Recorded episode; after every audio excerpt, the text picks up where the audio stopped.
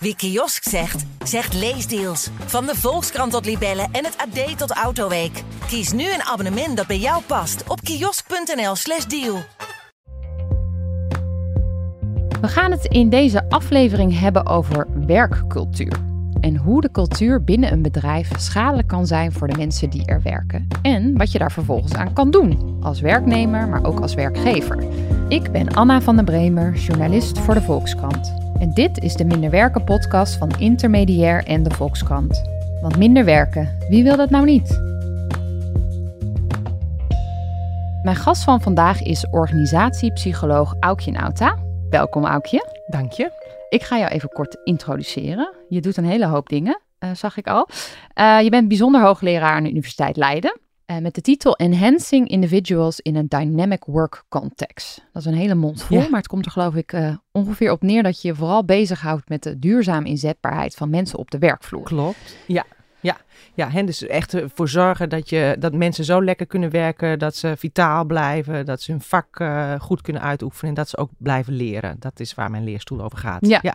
En je hebt ook een boek geschreven, Nooit meer doen alsof, denk je schaamte om en maak het je kracht. Klopt, ja. Nou, daar gaan we het straks ook nog over hebben. Even om te beginnen, uh, werkcultuur is natuurlijk een heel breed begrip. Um, wat verstaan we eigenlijk onder een werkcultuur? Ja, goede vraag. Ik heb zelf eigenlijk altijd een beetje ja, uh, moeite met de term werkcultuur, omdat ik, uh, het, het, leidt tot een soort van vast ja, gestolde patronen. Want feitelijk is dat wat het is. Hè? Gewoon uh, continu, manieren om steeds op dezelfde manier met elkaar om te gaan.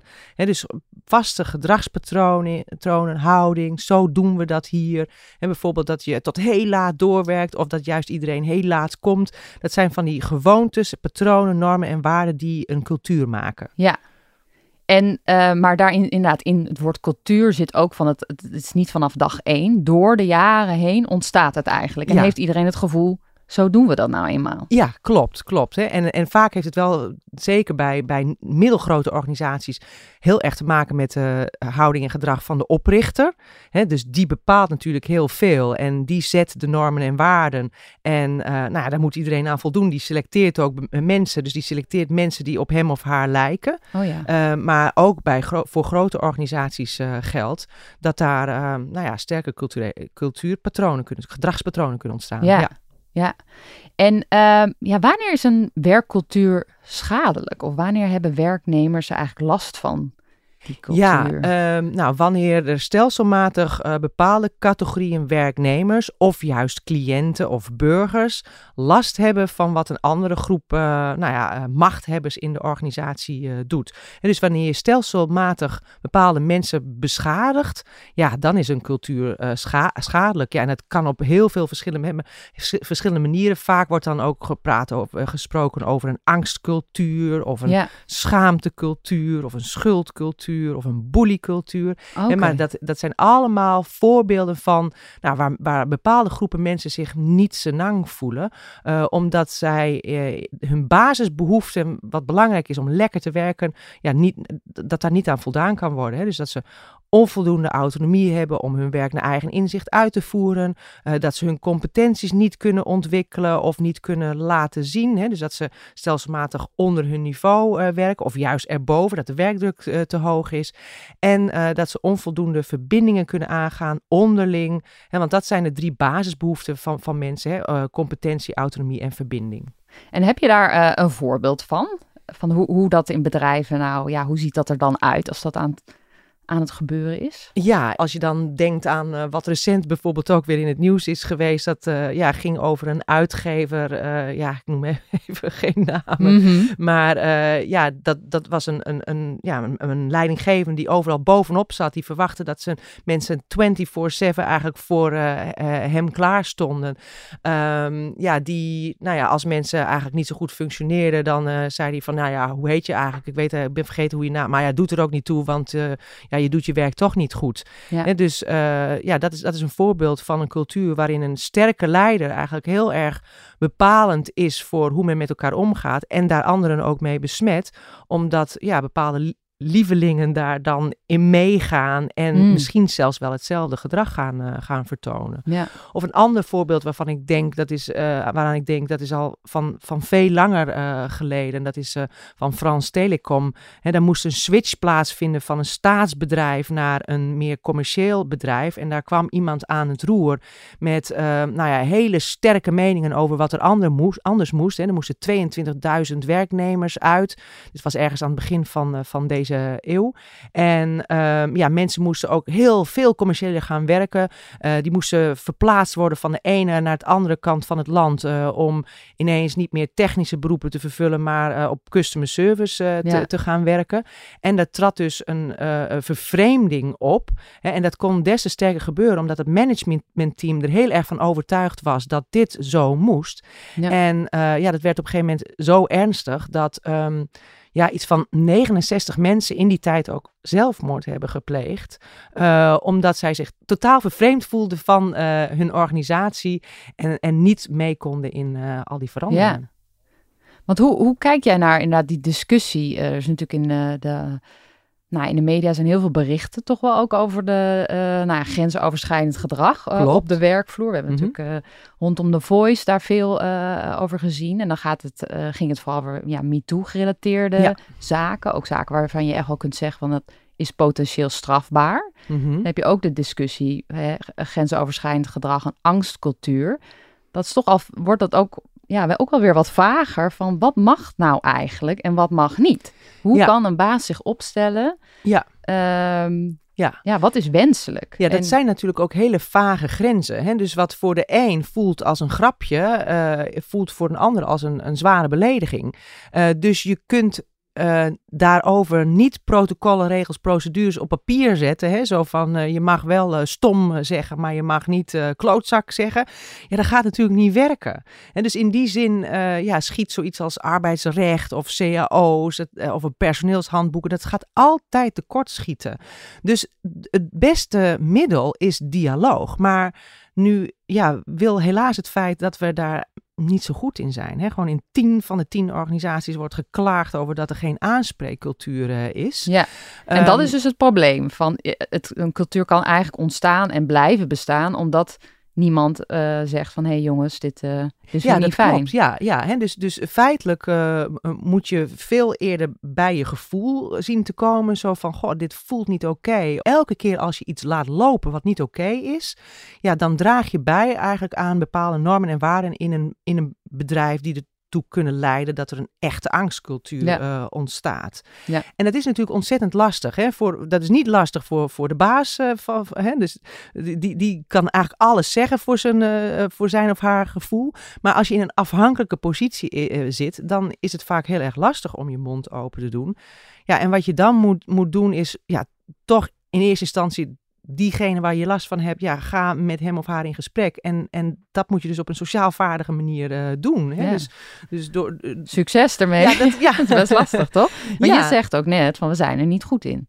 Nee, we zijn er niet goed in, maar we kunnen er natuurlijk wel beter in worden. Je had het over, over hiërarchie. Dus ik heb toen zo'n LinkedIn-post eh, eh, gedaan, of een survey over eh, waar kun je allemaal wel of niet open over zijn. Wat kun je openlijk zeggen? Hè? Dus bijvoorbeeld kun je open zijn dat je mantelzorg verleent, of dat je ehm, iets niet weet op je vakgebied, of dat, er, dat je last hebt van grensoverschrijdend gedrag. En toen viel heel, heel erg op dat heel veel, de leidinggevenden vaak veel vaker zeggen van ja, alles kan gezegd worden, terwijl medewerkers zoiets hebben van nee, dit is onbespreekbaar.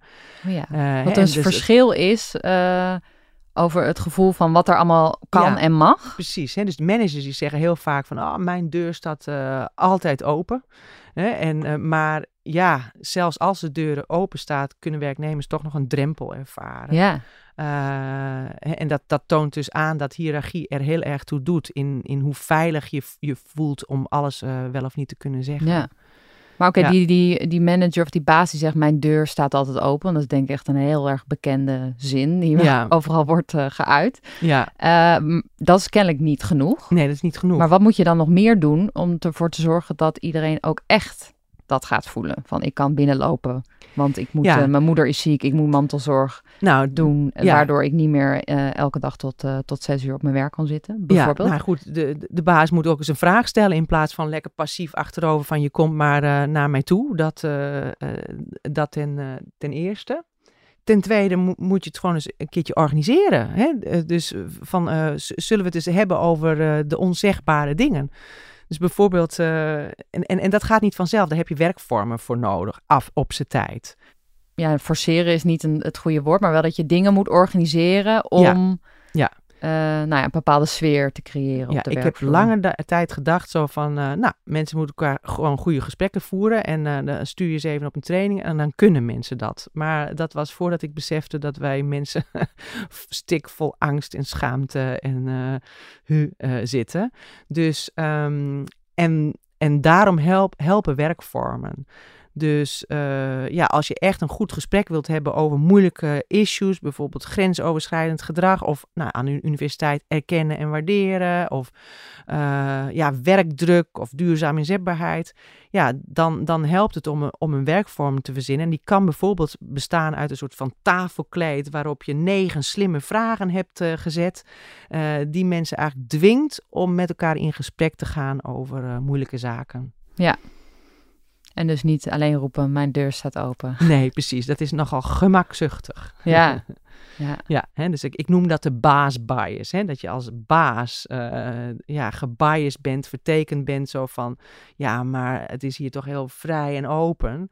Terwijl je niet doorhebt hoe invloedrijk eh, macht is. Hè, waardoor men, en dat, dat, ja, dat kan mensen gewoon eh, afschrikken. Mensen worden bang van bazen soms.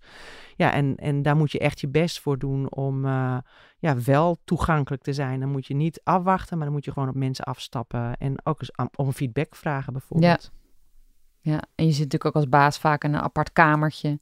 Ja, Dat ook weer de, de, de stap groter maakt. ja dat Eh. zijn trouwens ook wel mooie cultuursignalen. Hè? Gewoon of een directeur een aparte parkeerplaats heeft, een aparte kamer. Hè? Gewoon allemaal privileges die, aan, die tonen aan dat er heel veel hiërarchie is. Dus terwijl ja, in organisaties waarin men bewust afstand doet van eh, ja, speciale parkeerplaatsen voor de directie, ja, dat straalt al meteen veel gelijkwaardigheid eh, Ja. uit. Maar is de cultuur dan ook beter bij die bedrijven waar je minder die, ja, die privileges hebt en die afstand tussen medewerkers en baas? Ik ben geneigd te zeggen van wel, eh, omdat dan niet de hiërarchie bepaalt wat je doet, maar je talent, behoeften en wat je belangrijk eh, vindt.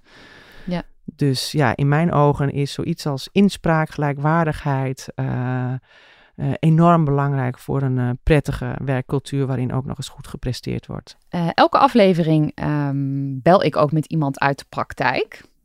om te horen van hè, hoe, hoe gaat dat nou precies? En dit keer sprak ik met René van den Bos. En hij wordt als mediator geregeld gevraagd door bedrijven om conflicten op de werkvloer op te lossen. Soms tussen individuen, maar ook soms een afdeling met een, een baas. Eh, en we gaan even luisteren wat hij te zeggen heeft. De communicatie gaat altijd mis en daar begint het mee. Hoe communiceren mensen met elkaar? Hoe transparant zijn ze? Hoe direct zijn ze? Hoe eerlijk zijn ze? En wat wij niet goed leren is omgaan met verschillen van mening. Of dat mag je ook een conflict noemen, maar het klinkt gelijk zwaarder. En dat integreren wij eigenlijk niet in onze manier van doen. Er wordt heel veel gehint, of soms heeft iemand het idee dat hij duidelijk is geweest, maar dat is hij dan absoluut niet. Dus, dus transparantie en duidelijkheid en directheid, nou, dat zijn wel hele belangrijke aspecten. En eh, we hebben het nu wel een beetje over een leidinggevende, laat ik maar zeggen, werknemerssituatie, maar ook collega's onderling hoor. Kijk, die moeten elke dag met elkaar door de deur. Dus die, die zijn heel voorzichtig in het duidelijk zijn over wat ja, toch wat minder plezierig is aan een collega. Die potten dat op en die praten erover, maar niet met degene die het aangaat. Ik maak situaties mee met mensen die zeggen nou, collega's vinden me echt allemaal top. Dan zeg ik van ja, als je de deur uit bent en je zou blijven staan en je zou luisteren, dan hoor je de messen in de deur vallen. Er zijn natuurlijk hele geruchtmakende zaken die echt in de publiciteit komen. Maar er zijn heel veel familiebedrijven waarin toch wel een soort angst is voor de directeur. Omdat die nou eenmaal de baas is. En die zich toch soms dingen permitteert waarvan je normaal gesproken zegt, ja dat kan niet. Maar dat durven mensen dan gewoon niet aan te kaarten. ik wil, je kunt ook niet salderen. Ik zal maar eh, dan even naar Ajax kijken.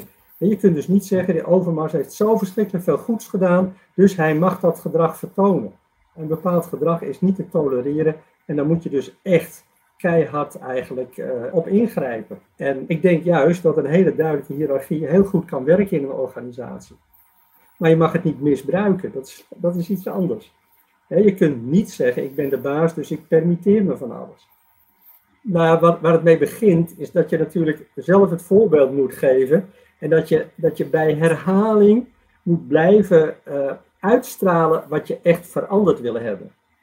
En je moet dan dus een, laat ik zeggen, een soort kernteam hebben wat er ongelooflijk scherp en spits op is.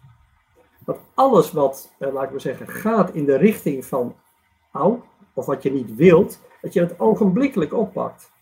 Want elke kans die je laat liggen om zoiets eh, bespreekbaar te maken, is een gemiste kans. En na drie gemiste kansen stopt het. Ik roep ook altijd, als een kandidaat wordt aangenomen na een selectieprocedure, dan zegt dat meer over degene die geselecteerd hebben dan over de kandidaat zelf. Want je ziet mensen altijd iemand uitzoeken waarvan ze denken van, ah, die past wel bij ons. Daar voel ik me wel goed bij. Terwijl je juist iemand zou moeten nemen waarbij je wat minder goed voelt. Want dat zijn degenen die dan iets kunnen veranderen. Maar dat doet bijna niemand. Hè? Er is geen, niemand die iemand werft waarvan hij denkt van nou, die is mij uh, gewoon de baas. Die is veel beter dan ik, die is slimmer dan ik. Nee, die wil je vooral niet hebben, want dat is een bedreiging. dus een cultuur veranderen, ik geloof er eerlijk gezegd niet in. Omdat je zo'n organisatie echt niet zomaar omkeert. Dat is gewoon een soort mammoetdenken, een soort kudde olifanten. Nou, die heb je zomaar niet van richting veranderd. en dat gebeurt met hele kleine uh, stapjes die je heel bewust moet maken. En daar moet je een hele lange adem voor hebben. Dus een cultuur houdt zichzelf dus ook gewoon eigenlijk in stand. Nou ja, René die gelooft dus eigenlijk niet hè, dat een bedrijfscultuur veranderd kan worden. Hij had het over een soort mammoetanker of kudde olifanten. Ben je het daarmee eens? Um, ja, hij heeft wel een punt. Uh, maar toch veranderen culturen voortdurend. om bijvoorbeeld te kijken uh, naar een cultuur waar ik veel te maken mee heb, is uh, de universiteit. En ja, daar is, is nu ongelooflijk veel gaande op het gebied van wat genoemd wordt erkennen en waarderen. Omdat ja, een aantal bestuurders ook hebben gezegd, zo van, goh, eigenlijk leggen we te veel de nadruk op de individualistische, nou soms ook narcistische toponderzoeker die al veel beurzen en prijzen binnenhaalt. Uh, ten koste vaak van nou, de, de ruggengraten in de academie, mensen die onderwijs geven. Die mensen heb je ook uh, nodig. Ja, die heb je ook nodig. Uh, mensen die de boel besturen en daardoor ook niet aan hun onderzoek toekomen. mensen die het leuk vinden om ja, kennis naar de praktijk te vertalen. Ben ik er dan toevallig eentje van. En je hebt eigenlijk al die mensen nodig in een team om als team goed te functioneren. Ja. En dus is er nu heel veel nadruk komen te liggen op uh, we moeten teamperformance gaan waarderen. En we moeten ook waardering hebben voor juist die mensen die onderwijs geven of leiding geven of wat dan ook. Ja. En, maar uh, hoe, verta hoe, hoe, hoe creëer je die waardering? Want je hoort het wel vaker binnen bedrijf van, oh, die mensen zijn ook heel belangrijk. Ja. Maar vervolgens wordt het toch niet, uh, die krijgen niet de promoties, die krijgen niet uh, de... Nee, maar dus, maar dus het is niet makkelijk, maar daar, dat betekent dat je andere mechanismes nodig hebt om dat uh, te veranderen. En dat is inderdaad niet van de ene op de andere dag zo. Maar ja, als er stelselmatig aan allerlei, alle Nederlandse universiteiten, zelfs internationaal, continu aandacht uh, is voor we moeten op een andere uh, menswaardige manier erkennen en waarderen, ja, dan zie je wel degelijk dingen veranderen. Hè, bijvoorbeeld uh, dat men nu niet meer alleen let op van hoeveel, op je AH-index, dat is een maat voor hoe vaak je wetenschappelijke publicaties worden geciteerd, ja. maar dat men nu ook kijkt naar, naar narratieven. Maar het zijn, is maar een voorbeeld, maar, en het gaat langzaam, maar ik wil niet zo defetistisch zijn om te zeggen dat een cultuur absoluut niet nee, te veranderen is. Een kleine stapjes. Ja, kleine stapjes, ja. ja. En je had het er net ook al over, en René noemt dat ook, van dat het toch ook wel lijkt alsof veel bedrijven, um, ja, bewust of onbewust, een soort eenheidsworst creëren. Van je neemt mensen aan die op jou lijken, waar je je gemakkelijk bij voelt. Ja. Um, en het lijkt ook wel bij werknemers loyaliteit, gezagsgetrouw, uh, nou, die eigenschappen worden gewaardeerd. Waardoor je ook meer die cultuur krijgt. Hè? Iedereen nou ja, voegt zich naar uh, hoe het nou eenmaal aan toe gaat binnen het bedrijf. Er is ook wetenschappelijk bewijs voor. Ik heb ooit een artikel gelezen dat ging ook over de lange mannen van Sears. Oftewel, uh, dat was een, een Amerikaans bedrijf uh, waar ja, vooral mannen werkten die ook alleen maar mannen van hun eigen lichaamslengte selecteerden. Dus het is inderdaad heel erg mens-eigen om ja, gelijke gestemden om je heen te willen hebben. Tegelijk weten we ook uit onderzoek dat diversiteit, of het nou gaat om gender of om culturele achtergrond of om kennis en vaardigheden, heel belangrijk is om goed te presteren. Dus je moet eigenlijk uh, je eerste neiging een beetje links laten liggen ja. en bedenken van waar gaat het ons nu om? Het gaat om ons, ons om diversiteit. En dat is ook heel erg belangrijk om te voorkomen dat je een homogene cultuur krijgt. En een homogene cultuur die heeft vaak drie vaak uh, drie kenmerken, namelijk uh, dat er een sterke leider is, uh, dat er een sterke cohesie is, hè, gewoon iedereen denkt en doet hetzelfde, en een sterke ambitie. Dus denk aan topsport bijvoorbeeld. Dat kan ertoe leiden dat je een soort tunnelvisie op groep of groepsdenken krijgt, wat kan leiden tot een soort van normeloosheid, waardoor iedereen zich schaamteloos gaat gedragen. En daar moet je ongelooflijk uh, voor waken. Dus uh, mm-hmm. ja, om, om die reden ja, moet je toch die diverse geluiden uh, en, en die komen om je heen verzamelen. Ja, die moet je om je heen verzamelen. Ja. Want hoe inderdaad, als je kijkt naar nou ja, bijvoorbeeld een, een HR-manager of misschien de baas van een bedrijf, die heeft door van hè, er wordt veel geklaagd op de werkvloer, er is onvrede en je wil dat veranderen. Maar ik kan me ook voorstellen dat die persoon, ik heb, wel, ik heb wat protocollen opgesteld, ik, ik probeer dit, maar het, het gebeurt niet. Het lijkt soms ook als zo'n cultuur zo'n log apparaat is dat je eigenlijk niet weet ja. waar, wie is nou eigenlijk aan te wijzen, wie is hier nou verantwoordelijk voor. Ja, dat, dat toont aan hoe, hoe krachtig die overlevering is van normen en waarden naar weer nieuwe, mens, nieuwe mensen in de groep. Um, en ja, je kan eigenlijk niks anders dan je bewust zijn van dat gegeven dus bijvoorbeeld, zo weet ik ook van um, uh, ja, een overheidsorganisatie. Overheidsorganisaties zijn, staan natuurlijk nu ook heel erg in de belangstelling mhm. vanwege de toeslagenaffaire ja. bij de Belastingdienst. Ja, want dat is een concreet voorbeeld waar werknemers ook zeggen van hè, wij durfden niet nee. de misstanden aan te kaarten. Klopt. Dus ja. die cultuur is dan eigenlijk gewoon verantwoordelijk voor of nou ja, heeft bijgedragen aan het instand houden van Precies, ja. Hè? Dus daar, daar zijn op een gegeven moment inderdaad, uh, ja, is er een cultuur ontstaan van leidinggevenden die heel strikt voorschreven aan mensen wat ze moesten doen. En uh, als mensen dan toch bij leidinggevenden uh, terechtkwamen, dan uh, zei hij vaak van je moet je gewoon aan de regels en de procedures houden. Hè, dus dat blijkt ook inderdaad uit een, uit een rapport van, van een aantal juristen die daar onderzoek naar hebben gedaan. Maar nu zie je dat oh, de Belastingdienst zelfs, maar, zelf, maar heel veel andere uitvoeringsorganisaties bij de overheid, die willen daarvan leren. En nou, bij een van die overheidsorganisaties was ik on, onlangs nog, uh, nog betrokken.